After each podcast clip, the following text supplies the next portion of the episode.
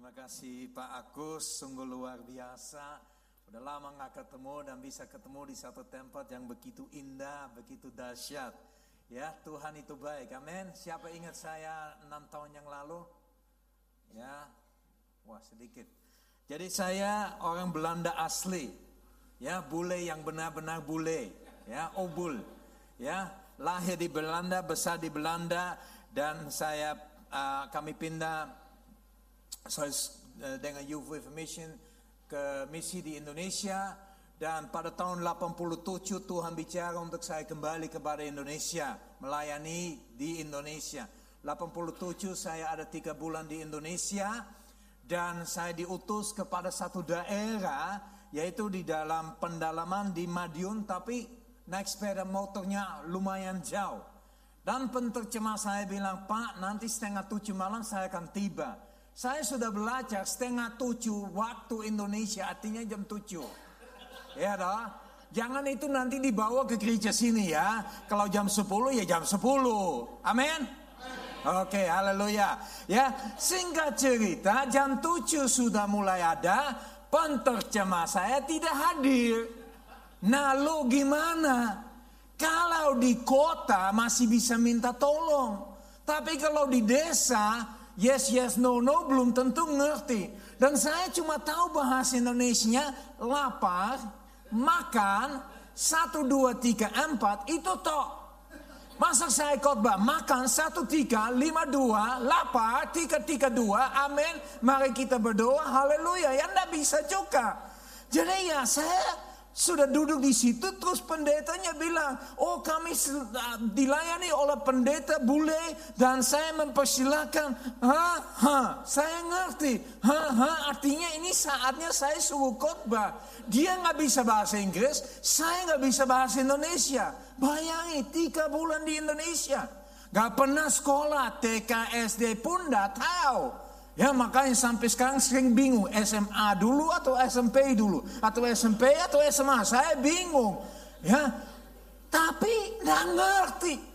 Nah saya bilang begitu saya naik ke mimbar saya bilang Tuhan kalau firman Tuhan itu ya dan amin tidak berubah dahulu sekarang bahkan sampai selama-lamanya dan apa yang ditulis dalam firman Tuhan itu benar dan kisah para rasul dua benar-benar terjadi di mana murid-murid Kristus berbicara dengan bahasa orang lain ngerti mereka nggak ngerti.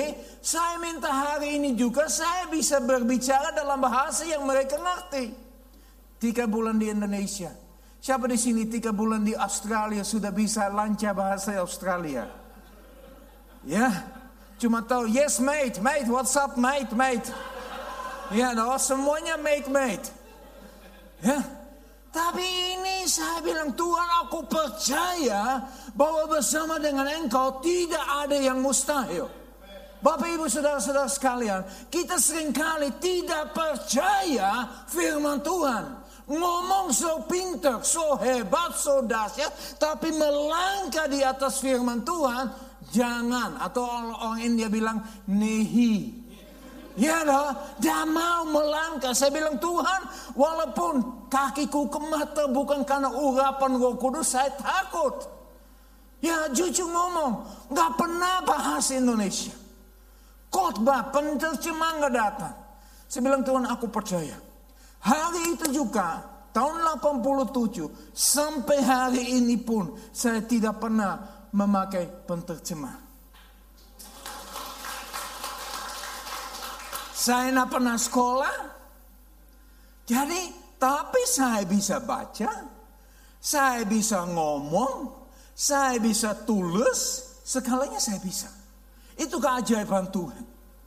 Ya jadi selama berapa tahun ini saya melayani cuma gereja Indonesia di New Zealand. Sampai tahun kemarin. Gini, sering kali kita nyaman. Mudah sekali untuk nyaman. You know, let's be honest. You know, apalagi di Australia. Ya know, nggak ada kerjaan, pemerintah kasih. Ya know, orang sakit, pemerintah kasih. Janda, pemerintah kasih. Makanya akhirnya gereja malas melakukan tugas yang dipercayakan oleh Tuhan kepada gereja. Karena kita harus memperhatikan yang janda-janda. Kalau di Australia, New Zealand nggak perlu pemerintah. Iya dong. Nah, kita harus memperhatikan fatherless yang tidak punya bapak. Nggak perlu ada pemerintah. Akhirnya kita begitu fokus ke sosialnya. Jadi kita lupa tugas kita sebagai gereja bahkan sebagai pendeta pun saya sudah nyaman, sudah enak. Sampai satu hari Tuhan berfirman kepada saya, saya bangun jam dua pagi. Saya dibangun, Tuhan bilang sama saya, Marcel, apa yang kamu lakukan bagus. Tapi sadar nggak, kamu telah ketinggalan kasih mulamu. Bertobatlah dan balik kepada kasih mula-mula. Balik kepada pelayananmu yang dulu. Kalau tidak kakimu akan diambil. Wah saya nangis Bapak Ibu Saudara sekalian. Saya bilang Tuhan aku bertobat. Jadi mulai tahun tahun lalu saya bilang Tuhan aku mau kembali melayani engkau. Buat apa saya bisa bahasa Indonesia dengan cukup bagus, cukup pintar, cukup hebat, tapi cuma ada di New Zealand. Makanya Tuhan buka jalan untuk kembali ke Indonesia. Jadi mulai sekarang lebih sering lagi pelayanan di Indonesia. Nah hari ini saya mau bicara tentang sesuatu yang Tuhan taruh dalam hati saya pada tahun 2015 ini. Mari kita buka di dalam eh, di dalam keluaran. Ya, dalam keluaran pasal yang ke-15. Uh cepat banget sudah muncul. Baru ngomong sudah ada. Hebat ini. Jadi satu roh ya. Kita lihat di dalam keluaran pasal yang ke-15. Tapi saya akan muncul dari mulai dari ayat ke-19 karena kita tahu bangsa Israel sudah keluar dari Mesir. Mereka sudah dibawa oleh Tuhan dan bangsa Israel Mesir mengikuti bangsa Israel. Dan dalam ayat yang 19 ketika ketika kuda Firaun dengan keretanya dan orangnya yang berkuda telah masuk ke laut maka Tuhan membuat air laut terbalik meliput di mereka. Tetapi orang Israel berjalan di tempat kering dari tengah-tengah laut. Lalu Miriam Nabia itu, saudara perempuan Haru, mengambil rebana di tangannya dan tampillah semua perempuan mengikutinya memukul rebana serta menari-nari dan menyanyilah Miriam memimpin mereka. Menyanyilah bagi Tuhan sebab ia tinggi luhur kuda dan peng penungkangnya. Eh, susah banget sih.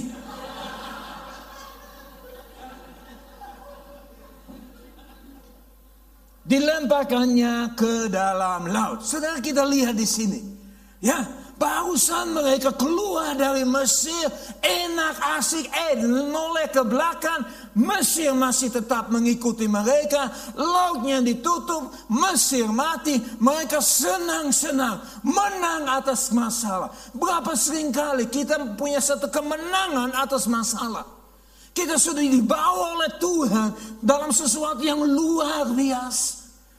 Kita menari-nari, haleluya, puji Tuhan, Tuhan baik, sungguh baik, sangat baik, amat baik, haleluya. Tetapi begitu kita masuk dalam hidup terusnya, berapa gampang lupa apa yang Tuhan lakukan di belakangnya. Betapa mudah kita lupa kebaikannya Tuhan. Mazmur berkata, bahwa kita harus mengungkapkan kebaikannya. Jangan lupa kebaikan yang Tuhan lakukan. Masalahnya kita sebagai manusia ingat yang tidak enak, lupa yang asik. Benar apa benar? Kalau di Jakarta dijawab ember. Ya, you know, tahu nggak ember? Emang benar. Yang kita selalu fokus kepada yang gak enak. Tapi kita lupa betapa hebat, betapa dahsyat, betapa mulia, betapa ajaib Allah kita. Lebih mudah ngomong yang negatif daripada yang positif. Coba kalau saya bilang, coba sebut dua hal yang baik tentang suaminya. Apa ya? Uh, tapi begitu saya bilang, coba ngomong lima hal negatif. Nggak usah ngomong lima hal. Sepuluh juga langsung. Iya dong, benar dong. Karena kita selalu lihat negatif dan tidak mau lihat yang positif. Begitu juga bangsa Israel. Mereka baru keluar dari Mesir. Dan begitu mereka keluar dari Mesir di dalam firman Tuhan ini ditulis ayat yang ke-22 Mas Musa menyuruh orang Israel berangkat dari laut Tebrau. Nah saya mau kasih tahu bahwa yang suruh Musa itu siapa? Allah sendiri tak? Karena Musa nggak bergerak tanpa yang Allah menunjukkan kepada Musa. Jadi dengan kata lain, Allah berfirman ke Musa, Musa ke mana pun aku pimpin, you harus pergi. Nah kita lihat, jadi dengan kata lain, ya Allah sendiri memimpin Musa, membawa Musa dan bangsa Israel berangkat dari Laut Tebrau, lalu mereka pergi ke ke mana? Ke mana? Padang? Enak enggak? Gak enak loh. Masa Tuhan memimpin Musa untuk membawa bangsa Israel ke tempat yang gak enak. Kita semuanya maunya enak toh. Kita semuanya mau sehat, mau diberkati, mau yang dahsyat, mau yang asik. Tapi sering kali bukan itu yang kita alami dalam hidupnya. Seringkali bukan seperti begitu yang Tuhan. Tuhan mau benar-benar membentuk kita dari kelu, dari dalam keluar. Seberapa jauh kita izinkan Tuhan bekerja dari dalam keluar. Dilihat di sini, mereka dibawa ke padang kurung syuir, syuur. Tiga hari lamanya mereka berjalan di padang kurung itu dengan tidak mendapat air. Bayangi, baru mengalami kemenangan. Bangsa Mesir mati, masalah dikubur. Ya, sudah bersorak-sorai, sudah menari-nari, sudah menyanyi. Eh, dibawa ke padang kurung. Pernah nggak bilang sama Tuhan, Tuhan sudah cukup biaya yang lain aja. Benar nggak? Pernah doakan segitu nggak? Atau sudah mulai laku baru? Bapak, ku persembahkan temanku. Padahal lakunya, Bapak, ku persembahkan tubuhku. Tapi kita nggak mau. Yang lain aja Tuhan. Masa saya terus. Aduh capek deh. Ya dah. Orang Indonesia capek. Saya masih ingat Easter camp, apa campnya 6 tahun yang lalu. Ingat enggak? Ingat enggak? Ah, ya Willy ingat ya. Waduh benar-benar luar biasa. Itu saya sampai hari ini masih ingat. Gak lupa-lupa saya. Ya. Jadi kalau setiap kali ingetin CLC saya cuma ingat. Yee, saya lupa kata-katanya cuma saya lihat ingatnya. Ya. Dan itu bikin sesuatu yang excitement bagi saya. Kenapa kita selalu harus memikirkan yang jelek? Ya, ini kita lihat Gak mau, gak mau, gak mau, mau yang asik, asik, asik terus. Tapi tanpa yang gak enak, gak mungkin ada yang asik. Bangsa Israel ini tiga hari nggak ada air, bahkan lebih daripada itu, mereka sampai satu tempat namanya Marah. Tetapi mereka tidak dapat minum air yang dimarah itu karena pahit rasanya. Itu sebabnya dinamai orang orang tempat itu marah. Sehingga cerita keluar dari Mesir. Haleluya, pesta-pesta senang-senang, menari-menari, puji Tuhan, dibawa ke padang gurun. Waduh, ada ayah, asik ketemu ayah. Ternyata ayahnya marah. Saudara yang kasih dalam Tuhan, sering kali kita sampai tempat marah dalam hidup kita. Tidak ada yang manis kalau tidak ada yang Makanya di dalam saat pada waktu sudah mengalami satu masa yang begitu pahit. Seperti bangsa Israel mengalami sesuatu yang pahit. Ada dua hal yang kita dapat lakukan. Menjadi seperti bangsa Israel. Yang bersungut-sungut kepada Musa. Ya, orang yang bersungut-sungut tidak ada di CLC di sini. Amennya cuma Bapak Gembalanya. Yang lain, mana mungkin gak ada.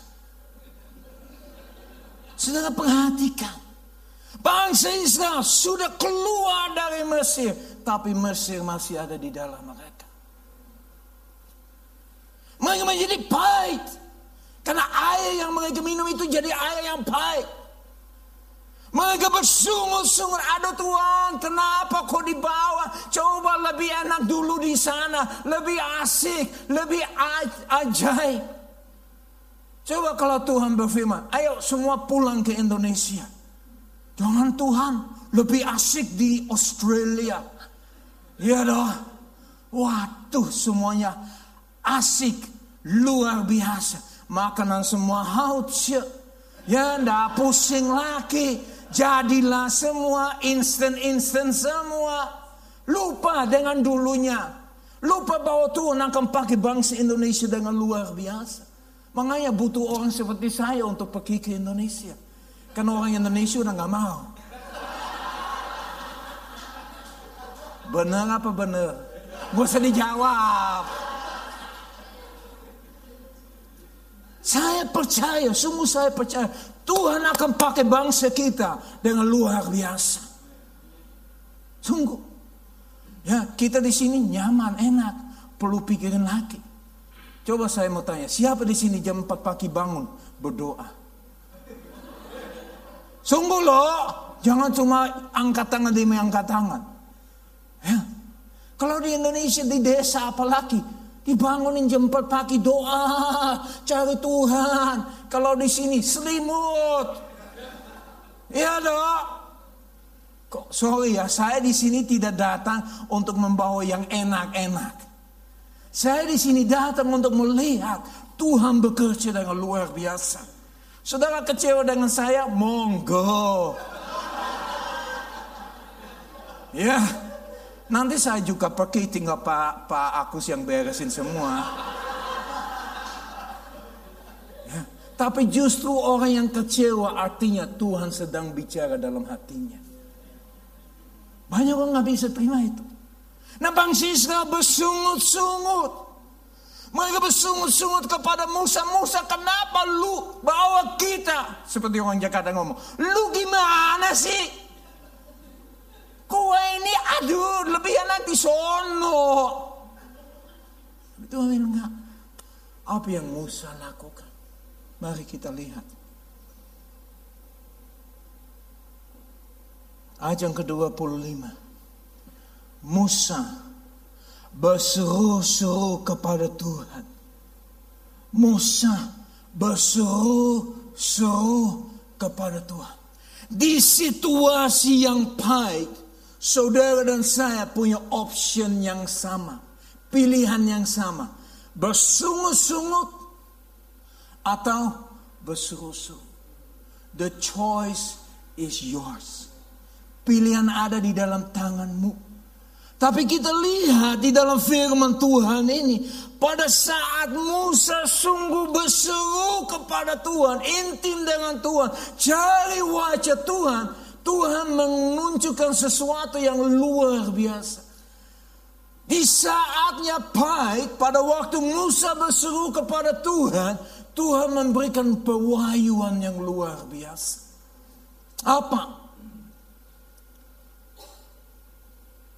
Dan Tuhan menunjukkan kepadanya sepotong kayu. Musa melemparkan kayu itu ke dalam air, lalu air itu menjadi manis. Mungkin dari situlah kayu manis ya. Saya juga nggak tahu. Ya. Yang saya tahu, air pahit plus kayu jadi manis. Begitu juga hidup kita. Hidup yang pahit plus kayu yaitu salib Kristus menjadi manis. Tapi berapa sering kita lupa pewahyuan daripada kayu salib. Dua minggu lalu kita bersorak-sorai, Yesus bangkit. Apakah dia tetap bangkit hari ini? Pada waktu kita dengar firman tentang mujizat di kayu salib. Kok bisa tahu? Lihat di YouTube. Ya, www.clc. Saya lihat. Di situ kita dengar, apakah kita masih ingat hari ini apa yang disampaikan oleh Bapak Gembala? Masih ingat enggak? Makanan kemarin aja lupa, apalagi khotbahnya dua minggu yang lalu. Ya loh. Jangan sampai Bapak Ibu Saudara-saudara sekalian. Ada alasan kenapa Tuhan berfirman sedemikian rupa supaya pada waktu kita mengalami hal yang pahit, kita bisa masukin salib Kristus supaya yang pahit menjadi manis. Menjadi enak. Berapa sering kita bilang, I don't want you, saya nggak butuh kau, saya nggak butuh kau. Kita saling membutuhkan satu sama yang lain supaya apa? Dikesek. Berapa banyak orang dikesek keluar gereja, anda tahan. Dikesek lagi, enggak tahan. Bye bye, see you later. Ya, yeah. After a while, crocodile. Ya, berapa sering kita begitu dikesek-kesek supaya yang murni kelihatan. Tapi kita nggak kuat pada waktu pahitnya. Itu waktunya di mana kita akan datang kepada Tuhan. Berseru-seru kepadanya. Bilang Tuhan tanpa salib Kristus. Saya juga nggak kuat untuk melihat situasi pat menjadi manis. We know the word of God. Tahu firman Tuhan. Begitu tahu. Jadi lupa terus. Akhirnya so Ya. Saya percaya kita semua di sini hamba Tuhan. Saya cuma pendeta. Titelnya saya PDT. By the way, tahu nggak artinya artinya PDT tahu nggak? Percaya diri toh.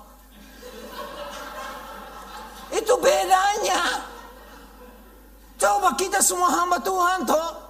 Saya mau tanya siapa sudah lebih dari 10 tahun ikut Tuhan? Masa nggak ada satupun?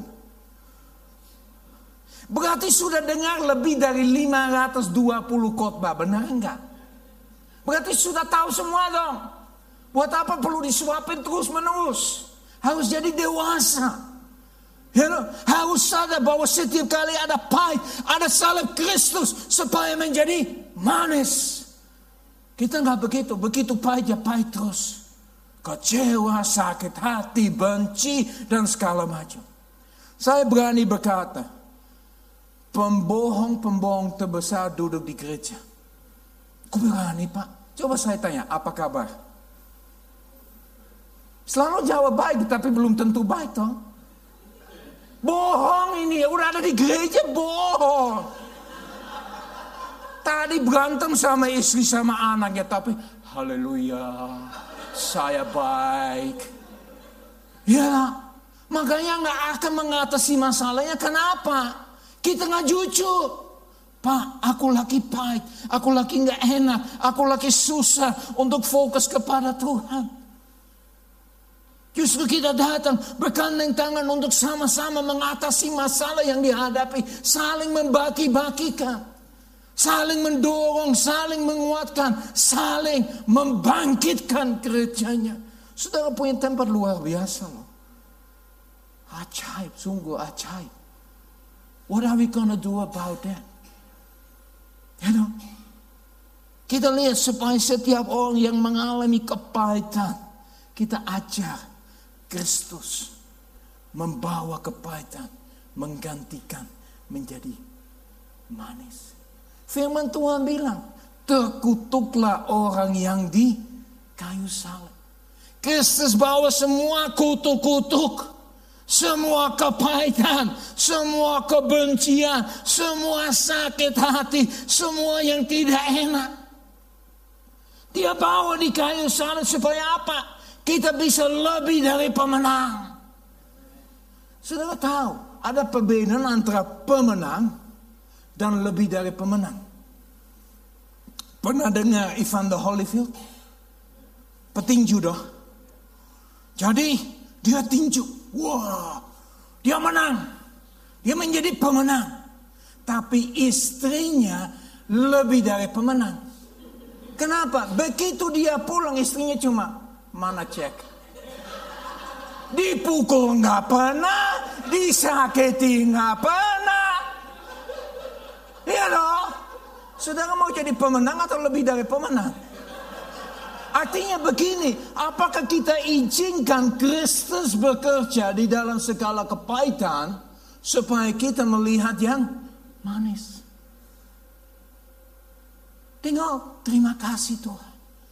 Exodus keluaran 14 14 berkata kita nggak perlu ber, ber, berperang. Tuhan akan berperang buat kita. Kita akan lihat hasilnya. Itu kuncinya untuk lebih dari pemenang. Sedangkan kita nggak mau lebih dari pemenang. Kita mau terlibat. Sudah lebih enak, tinggal tunggu aja. Kita nggak perlu membela diri. Dia pembela kita. Situasi, keadaan, apa pun yang kita alami. Tuhan membela kita. Asal kita jangan bersungut-sungut. Why me Tuhan? Kenapa saya? Kenapa saya? Itu artinya Anda menjadi biji mata Tuhan. Tuhan punya rencana yang luar biasa. Karena pada waktu kita benar-benar dipulihkan di hadapan Tuhan. Tuhan bisa melakukan perkara yang ajaib dan dahsyat dalam hidupnya. Bangsa Israel ini Begitu mereka melihat air pahit menjadi air manis, mereka senang-senang lagi. Dalam ayat yang ke-25, di sanalah diberikan Tuhan ketetapan-ketetapan pada peraturan-peraturan kepada mereka. Dan di sanalah Tuhan mencoba mereka.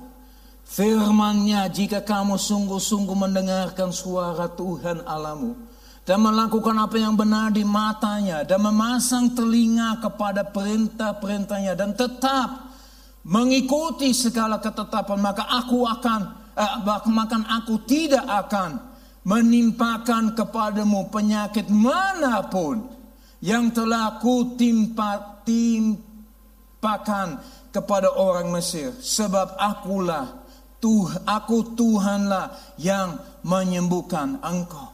Perhatikan. Musa bukan hanya tahu tentang kayu, kayu salib. Tetapi dia dapat pewahyuan bahwa dialah Jehovah Rafa. Tuhan yang menyembuhkan. Apakah kita percaya Tuhan bisa melakukan hal-hal yang luar biasa? Saudara, ini kebodohan bagi manusia yang tidak mengenal Tuhan. Mana ada? Siapa di sini belajar jadi dokter? Ada nggak? Pernah masuk ke dokter? Gak ada? Ya enggak apa-apa. Pernah nggak diajarkan di kedokteran? Kalau ada orang buta, ludahin tanah, ambil tanah, pasang di matanya, ya cuci mata bisa lihat. Gak ada sih. Ya. Pernah ada seorang hamba Tuhan, dipakai Tuhan luar biasa. Ada jemaat datang, dengan cancer dihitung. Terus Tuhan berfirman kepada hamba Tuhan ini, toncol. Tuhan ini suaramu atau suara siapa sih? Kalau kita begitu toh, ngusir setan, ngusir semua roh-roh jahat. Hello, Tuhan apa? Tonjol. Mana mau ini Australia loh. Nanti disu. Ya know? Kita begitu karena kita pakai logika kita. Makanya firman Tuhan tidak disediakan untuk orang yang pakai logika. Nah anyway, singkat cerita hamba Tuhan ini taat, tonco, bang, cancernya jatuh, sembuh orangnya. Jadi jangan besoknya cari semua orang yang punya cancer hidung di ton, jangan.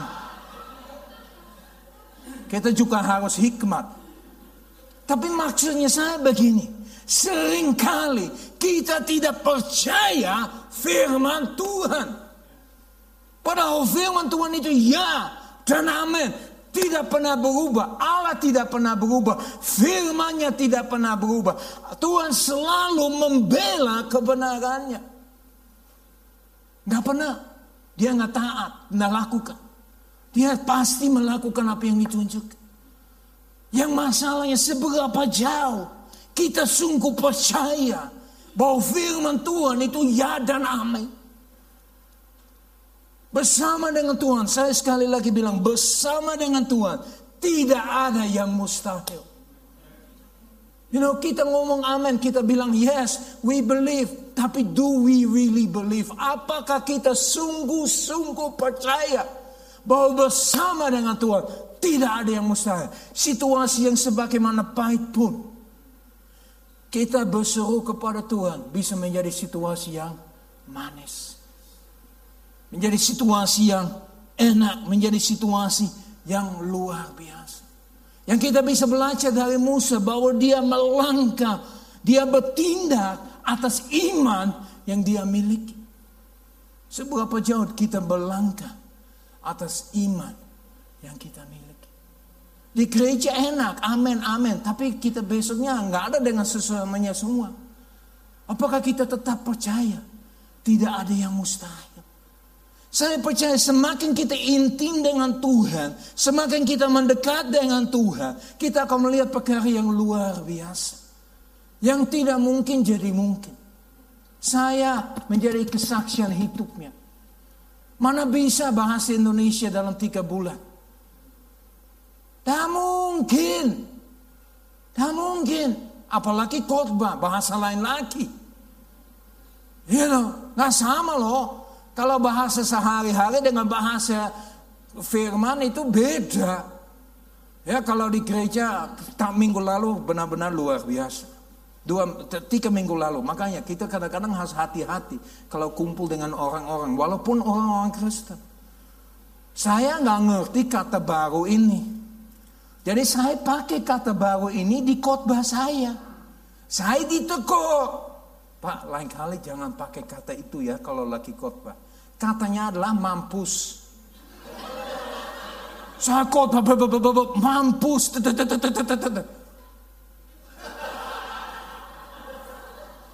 Makanya hati-hati dengan kelilingin orang-orang walaupun dalam Tuhan juga. Karena betapa mudah kita mengikuti apa kata orang.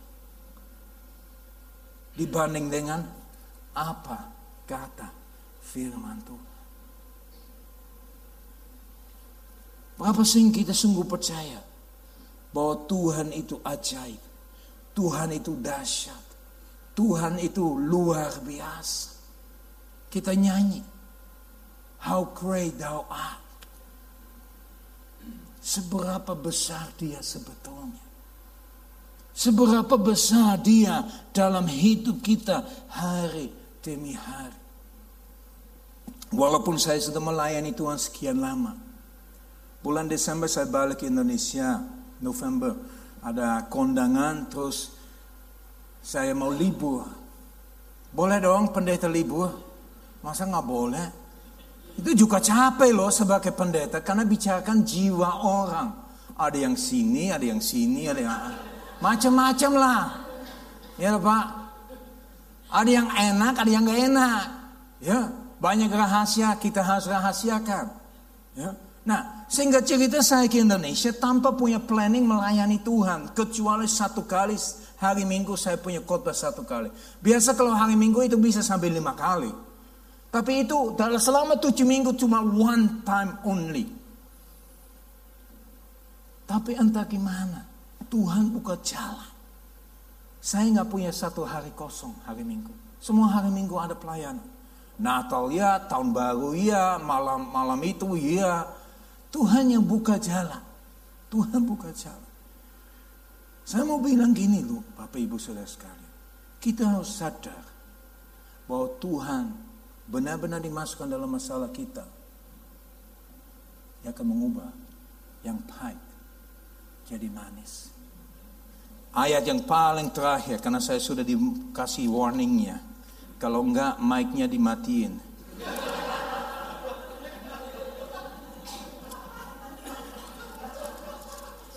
Nggak peduli juga, Yesus nggak pernah pakai mic-nya. Saya dibilangin sama Pak Agus boleh sampai kapan pun loh. Ya, jadi hari ini puasa semuanya. Ya, ayat paling terakhir, serius, serius, final. Ya, Matius 11 ayat 28. Marilah kepadaku semua yang letih lesu dan berbeban berat. Aku akan memberikan kelekahan kepadamu. Saudara, pada saat kita masukin salib Kristus dalam hal yang pahit, pasti diubah jadi manis. Mari kita berdoa. Bapak engkau baik, sungguh baik, sangat baik. Kami bersyukur untuk firman yang kami boleh dengar pada pagi hari ini Tuhan. Dan kami berdoa Bapa supaya umatmu di tempat ini akan melihat pada saat mereka berseru kepada Engkau. Engkau akan memberikan pewahyuan bagaimana mengatasi situasi yang pahit menjadi manis Tuhan. Kami mohon pimpinan Engkau dalam kehidupan hari demi hari kami Tuhan. Biar kami sungguh dipimpin oleh kuasa roh kudusmu Tuhan. Supaya situasi apa pun yang tidak enak. Ada yang situasi yang pahit. Ada situasi yang menyakiti hati. Ada situasi yang gak enak. Engkau memberikan supaya kami datang kepada Engkau dan bersandar kepada Engkau, mengandalkan Engkau dan percaya bersama dengan Engkau tidak ada yang mustahil. Terima kasih Yesus dalam nama Tuhan Yesus kami berdoa. Amin.